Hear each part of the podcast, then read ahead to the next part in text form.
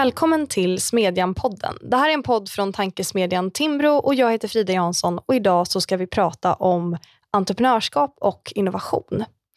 Om ni vill så får ni gärna betygsätta podden i Podcaster och iTunes för att hjälpa fler att hitta hit och tips får ni gärna skicka till smedjan.timbro.se och vi finns som alla andra även på sociala medier. Det har blivit allt trendigare sedan finanskrisen med aktiv statlig industripolitik och inblandning i ekonomin.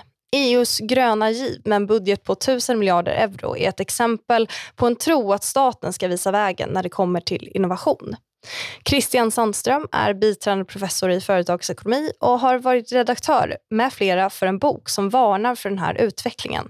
Och den heter Questioning the Entrepreneurial State och han är med mig idag för att prata om just innovation och entreprenörskap i statlig regi.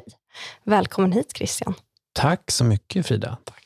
Jag förstår det som att eh, det har gått väldigt bra för er bok, att ni har över 100 000 nedladdningar och att ni har blivit lovade ett svar av eh, Mariana Mazzucato som är på många sätt en huvudperson i boken. Och Jag tänkte att vi skulle börja med att prata lite om hennes grundläggande tes och på vilket sätt som ni kanske håller med henne men opponerar er mot henne i den här boken. Och Jag förstår Motsukato, hon är ju eh, nationalekonom, som att hon menar att eh, staten driver fram värde i ekonomin som sen extraheras av privata aktörer eh, som de inte hade haft möjlighet att liksom tillskanska sig utan då att staten hade skapat det här värdet från början. Till exempel då att staten bedriver någon typ av grundforskning och sen så kommer privata företag och skor sig på det. Eh, har jag förstått henne rätt då? Ja, det tycker jag. tycker det var en utmärkt sammanfattning. Och eh, Då har ju Matsukato det var ju den första boken som fick brett genomslag då, 2013, The Entrepreneurial State. Nästa bok då, eh, som fått riktigt mycket genomslag, det var ju den som kom förra året som heter The Mission Economy. Och Den är egentligen en vidareutveckling av The Entrepreneurial State där det också handlar om att staten ska sätta upp missioner, alltså missions, stora uppdrag och därefter mobiliserar vi då gemensamt ekonomin för detta ändamål. Så ja, jag skulle säga det är en bra beskrivning.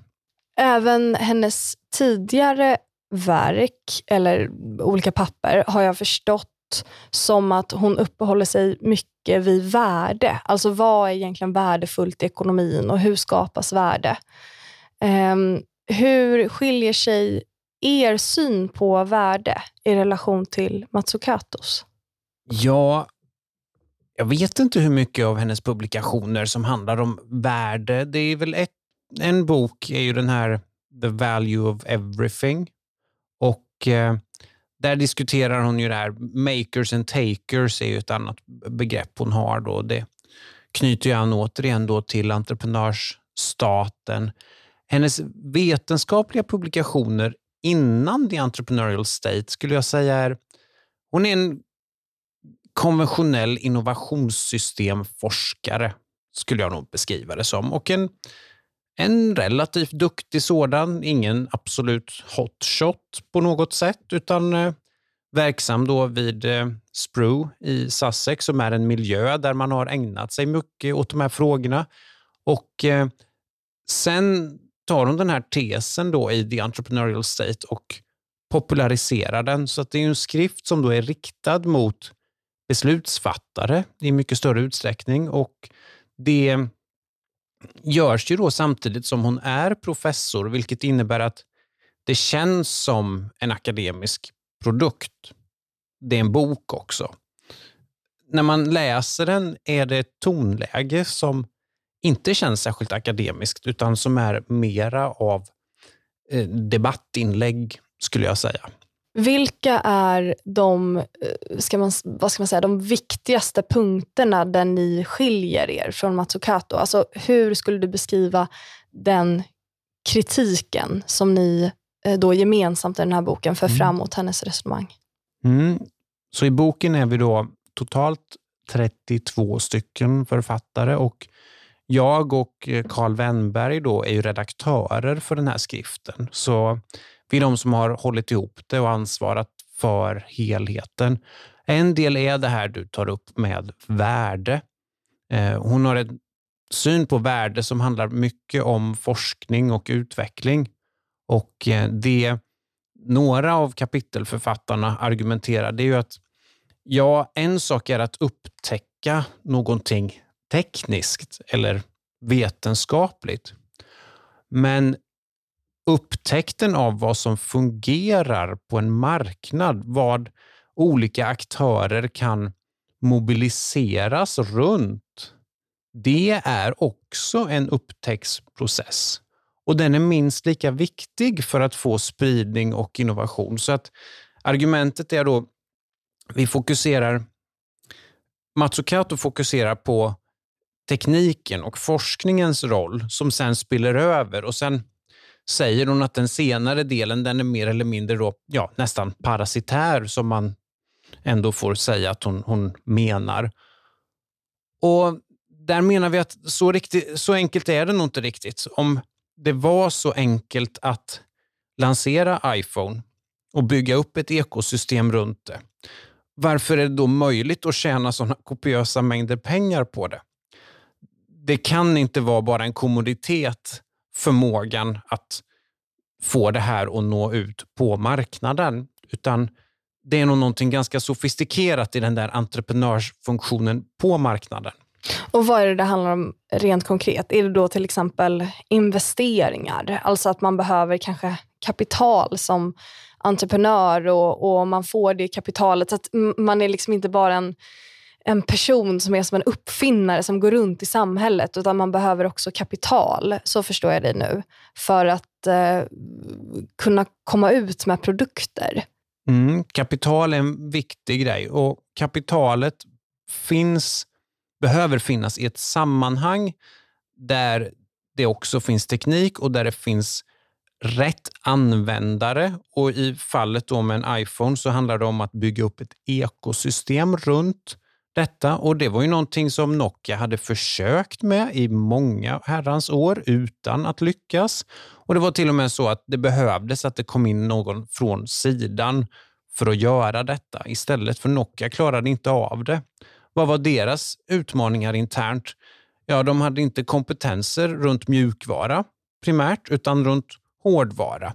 De satt med en mjukvarustruktur som egentligen inte var en plattform. Och är det inte en plattform över de olika modellerna av telefoner så får du inte de här nätverkseffekterna då till att börja rulla. Så att kombinationen av allt det här och att sen då göra det vid rätt punkt i tiden, när rätt teknologier, touchscreen med mer finns där, att den lilla mutationen då skulle uppstå, ja, det, hade det varit någonting trivialt, då hade det redan varit gjort av någon annan och det hade inte funnits några pengar att tjäna på det heller.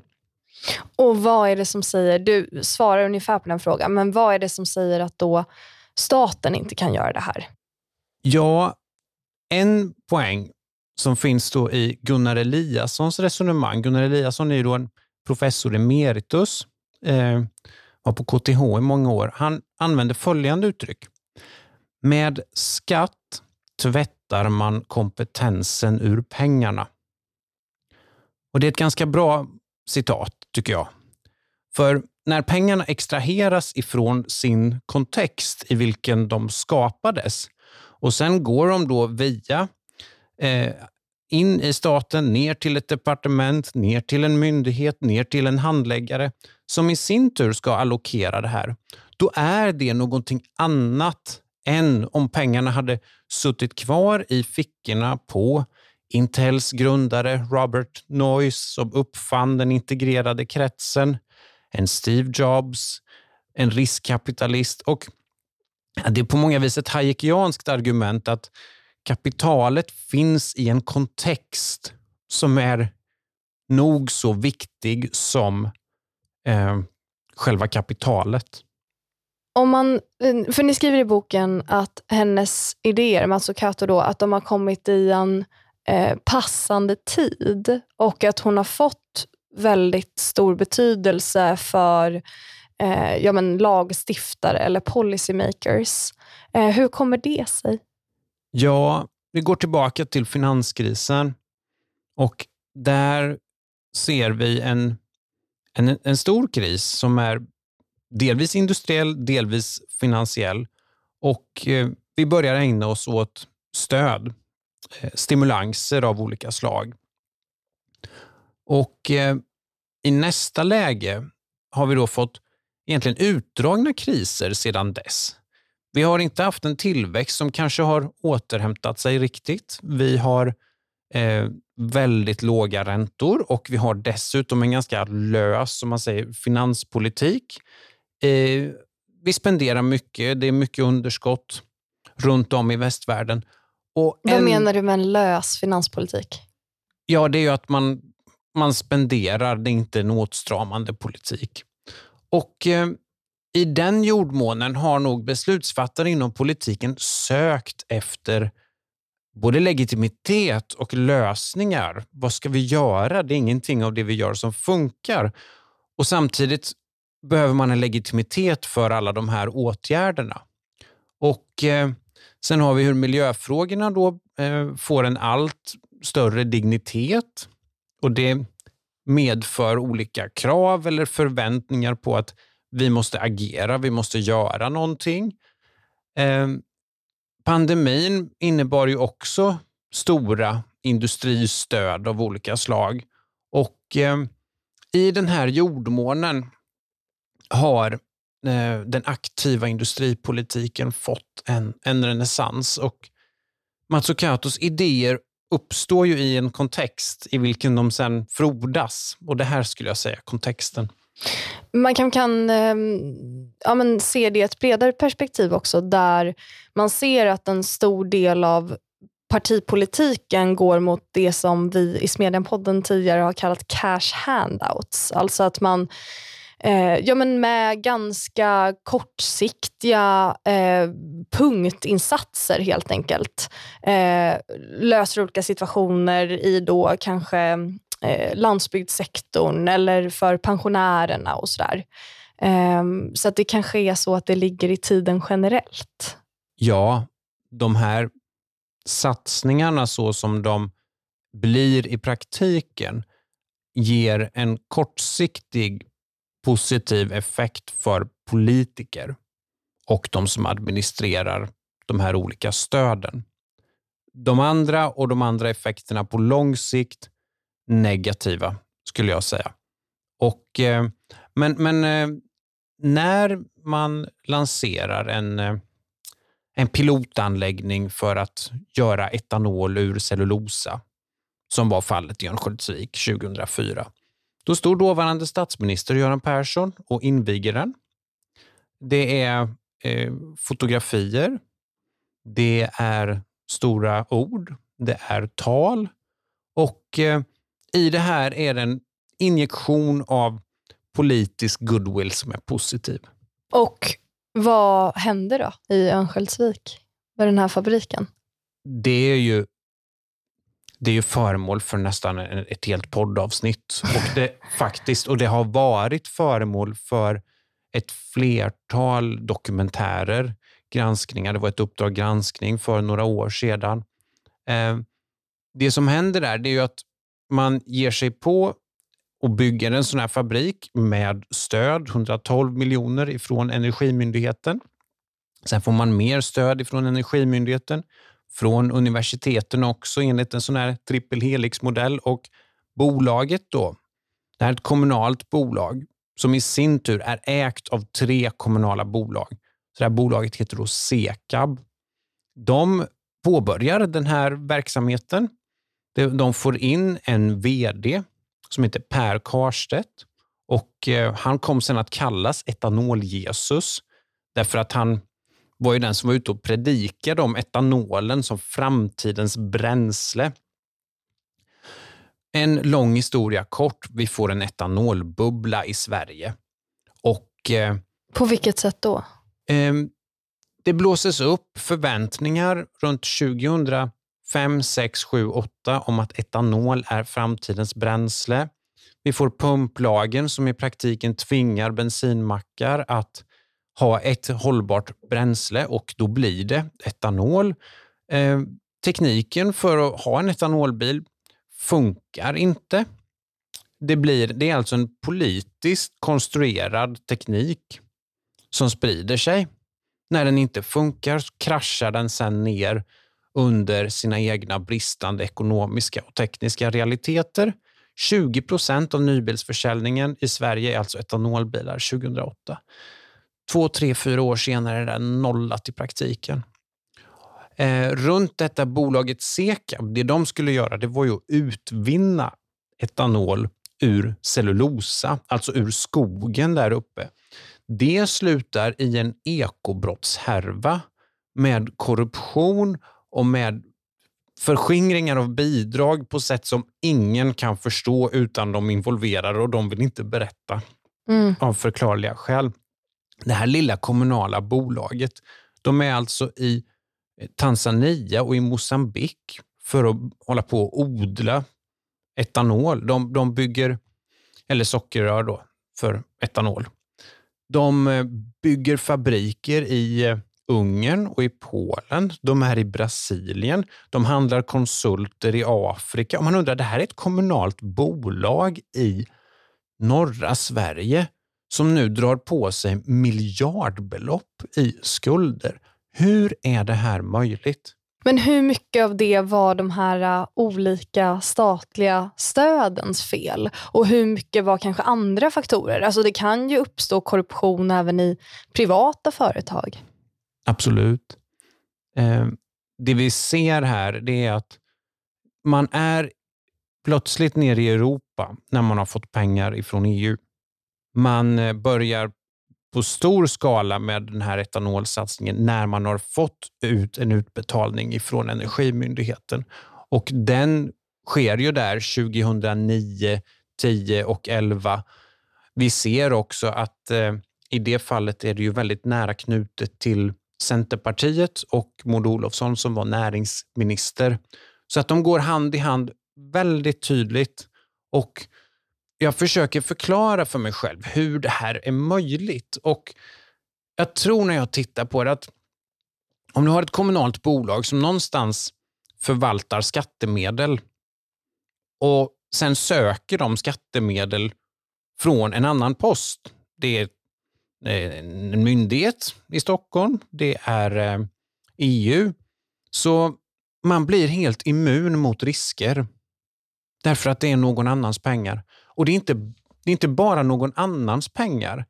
Det är också någon annans pengar, men på en annan budgetpost inne i det offentliga som man sen ska kamma hem i någon mening.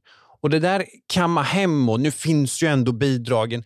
Det leder till att du blir immun mot risker. Mm. Tvärtom, du börjar älska risker som är... Det är helt orealistiskt den här idén att vi ska göra etanol ur cellulosa och att vi skulle komma ner i en lägre kostnad för det än att du gör etanol ur, ur socker eller något annat som är väldigt poröst. Men man gör det ändå. Varför? För man får pengar för det. Och Det går tillbaka till idén om entreprenörsstaten och vad de här stora mängderna pengar, gratispengar, gör med företagens beteenden. Och hur, eh, det här är ju en väldigt intressant historia, men hur representativ är den här situationen för läget i Sverige men också kanske i Europa? Alltså kan man se sådana här exempel på då, för jag förstår dig som att du menar att här har man alltså artificiellt genom den offentliga finansieringen eh, pumpat upp en idé som kanske inte hade överlevt på den privata marknaden eller med helt privat finansiering. Och hur representativt är det mm. idag? Ja, vi, vi får gröna bubblor som en följd av detta. Vi får överinvesteringar i teknologier som egentligen inte är konkurrenskraftiga. Vill man se något annat i vårt avlånga land, om vi tittar, det här är ju egentligen nutidshistoria, men då kan vi titta på biogasen, biogasbubblor, ta Gobigas i Göteborg, eh, episka proportioner på den bubblan. EU-pengar, Energimyndigheten pengar än en gång. 2 miljarder slutade den notan på över en tioårsperiod ungefär i totala skulder. Totala kostnaden för skattebetalare är ju ännu högre då. Det finns fler sådana här biogasbubblor runt om i landet. Vi har en i Söderhamn, vi har en i Eskilstuna, vi har en i Mälardalen. Så nutidshistorien så ser vi det här och det finns fler sådana här försök att göra etanol som, som Sekab höll på med. Om vi nu tittar på EUs Green Deal, då ser vi att det är samma mekanismer, det är bara fler nollor på beloppen. Av de här tusen miljarder euro som du var inne på innan, då är det alltså 430 av dessa miljarder som är öronmärkta för vätgas. Vätgassatsningar är nu det stora. Och Det betyder att, ja, lite slarvigt uttryckt, alla som ägnar sig åt vätgas kan nu söka pengar för det. De kan eh, få någon annans pengar och det här är ju då någon annans pengar. Men det är dessutom skattebetalare i andra länder i framtiden mm. som finansierar detta.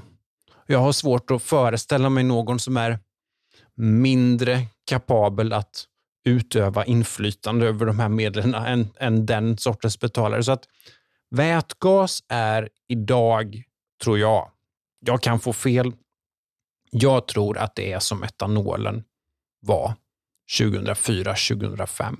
Om man tänker generellt sett på den här typen av då riktade subventioner. Ehm, vad finns det för negativa effekter av dem rent ekonomiskt? Alltså, en sån, tänker jag mig, skulle kunna vara vissa undanträngningseffekter. Alltså att om man bestämmer sig för att nu är det det här som gäller, då så innebär det att man kanske inte satsar på annan teknik som annars då hade utvecklats, som kanske hade varit bättre. Precis. Det är ju vad vi ser i eh, fallet med etanolbilen. Att eh, pumplagen den utformas på ett sådant sätt att elektricitet inte inkluderas i pumplagen. Man vill inte att mackar skulle komma undan med att bara sätta upp några laddstolpar.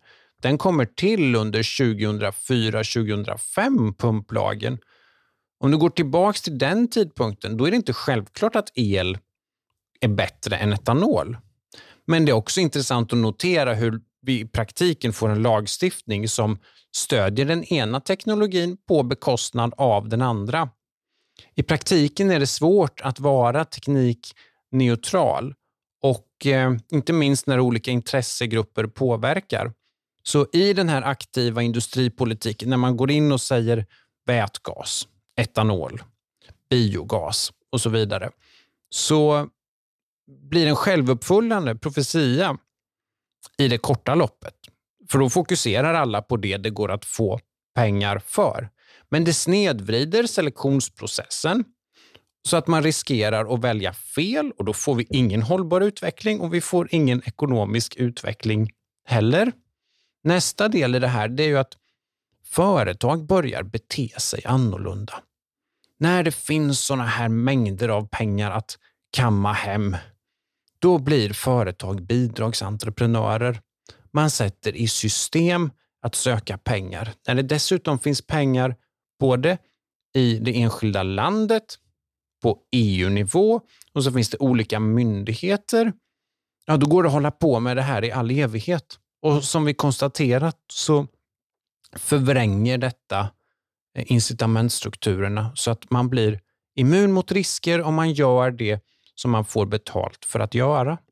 Finns det något exempel på lyckad eh, statlig innovation? Eh, alltså, eh, finns det något bra exempel på när staten har innoverat på ett bra sätt? Matsukato tar ju upp ett flertal olika exempel som hon menar egentligen var det här staten från första början. Och delvis stämmer ju det. Men det är det där delvis som är utmaningen. För att innovation är en distribuerad process över tiden. Det är ett företag som uppfinner den första integrerade kretsen. Det är en annan som utvecklar den. Det är en annan som sedan utvecklar den för ett specifikt ändamål. Det är samma sak med bildsensorn. Det börjar på ett bolag, det är väl Fairchild tror jag, där bildsensorn börjar. Minns inte, men megapixelsensorn, den kommer sen 1986. Då är det Kodak Research Lab. Så, så att teknikutveckling är en distribuerad och kumulativ process. Då vore det konstigt om inte staten, som är en så stor av B, andel av BNP eh, och som också finansierar forskning, beställer forskning, engagerar sig i det, finansierar universitet, att staten inte skulle ha en roll i flera av de här banbrytande innovationerna. Det blir, det blir som en truism att, att säga att staten har, varit, har haft en roll i det. Men att staten skulle haft den enda rollen, eller den mest signifikanta, jag, jag ser inte evidensen för det. På det temat, eller vad man ska säga, så förstår jag dig som att de, det absolut värsta då med den här statliga industripolitiken, det är den här typen av riktade subventioner. Mm. Där man kanske pekar ut då eh, en, ja men vad skulle kunna vara, en viss produkt eller ja men kanske ett visst energislag mm. eller vad nu åt det hållet i alla fall. Och så säger man att nu är det här som gäller och det är det här man får pengar för. Finns det mildare varianter av statlig inblandning, inblandning eller statligt stöd som inte har den här typen av negativa effekter på marknaden? Ja, det gör det ju. Och det är sådana vi har arbetat med ganska, ganska länge. Förbud, skatter, en, en skatt på ett visst utsläpp är teknikneutralt.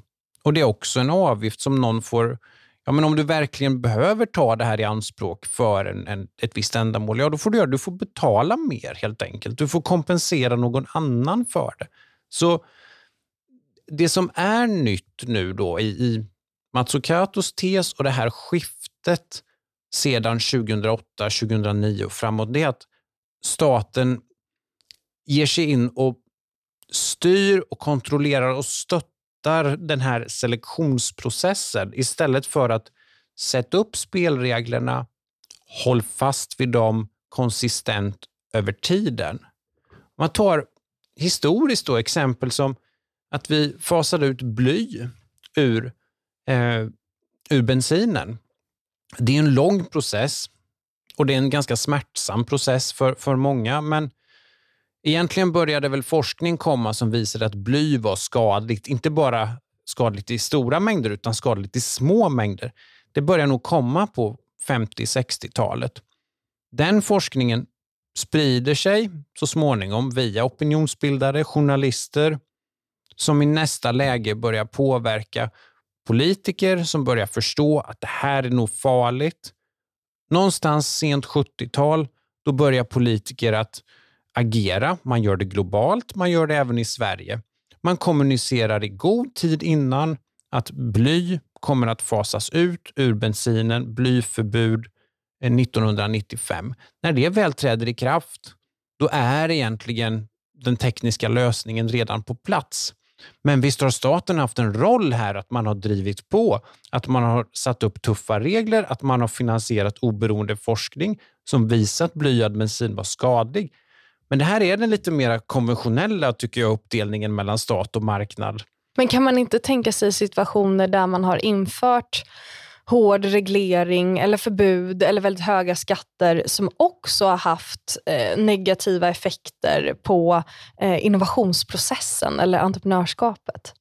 Det tror jag absolut, inte minst inom, inom IT. Det man ofta säger om eh, regleringar det är ju att de skapar ju en på engelska kallar det compliance cost.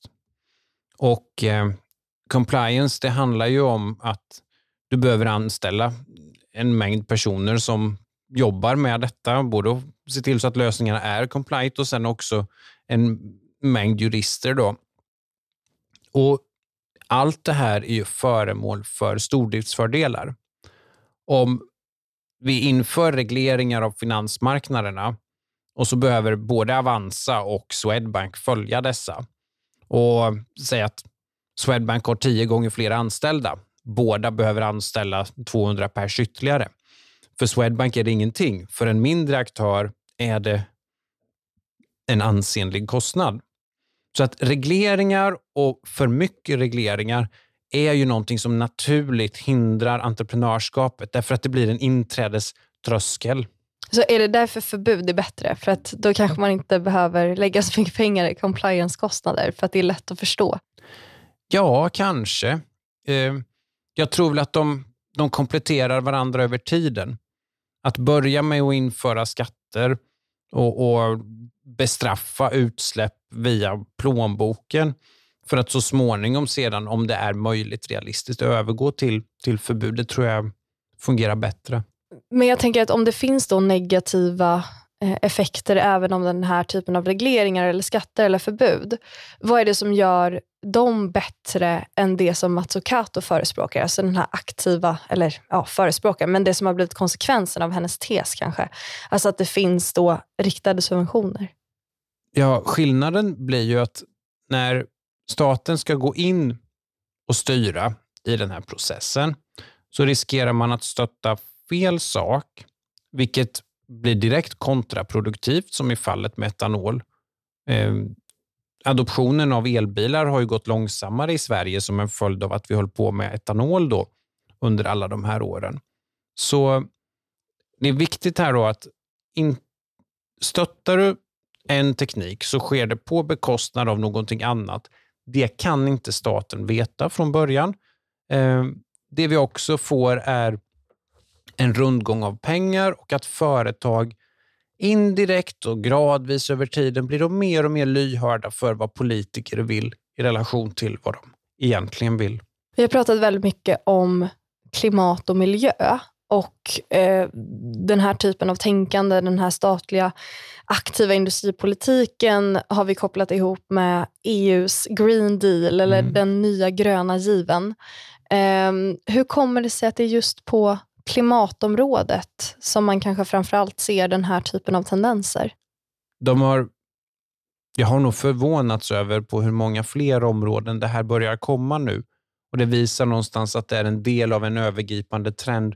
Du har ju den här EU eh, Chips Act nu då, att nu är det halvledarfabriker som man behöver satsa på. Så att, men, men ja, det började nog mycket i klimatfrågan och där är det väl kanske som allra störst.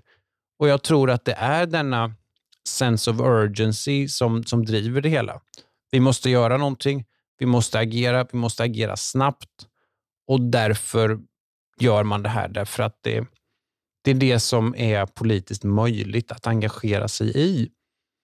Så ja, på det skulle jag ju svara att jo, men det här verkar ju inte fungera. Och om det, om det är så att vi är i en nödsituation, då blir det ännu viktigare att verkligen skärskåda vad som fungerar. Och är det så att en viss typ av storskaliga satsningar som alla vill ha inte fungerar, då är det vår plikt att säga det också. Mm. Jag tänker att vi ska eh, börja runda av. Eh, men eh, precis, du svarade faktiskt på den frågan som jag hade. Men en reflektion som jag gör när du berättar, det är ju att det är ju ändå så att klimatfrågan är väldigt akut. Och finns det inte på något sätt mer som man borde göra? Alltså, kan man verkligen om man säger att den här, den här aktiva eh, industripolitiken den är dålig, liksom, och så slutar man med den. Eh, men måste man inte göra någonting annat då?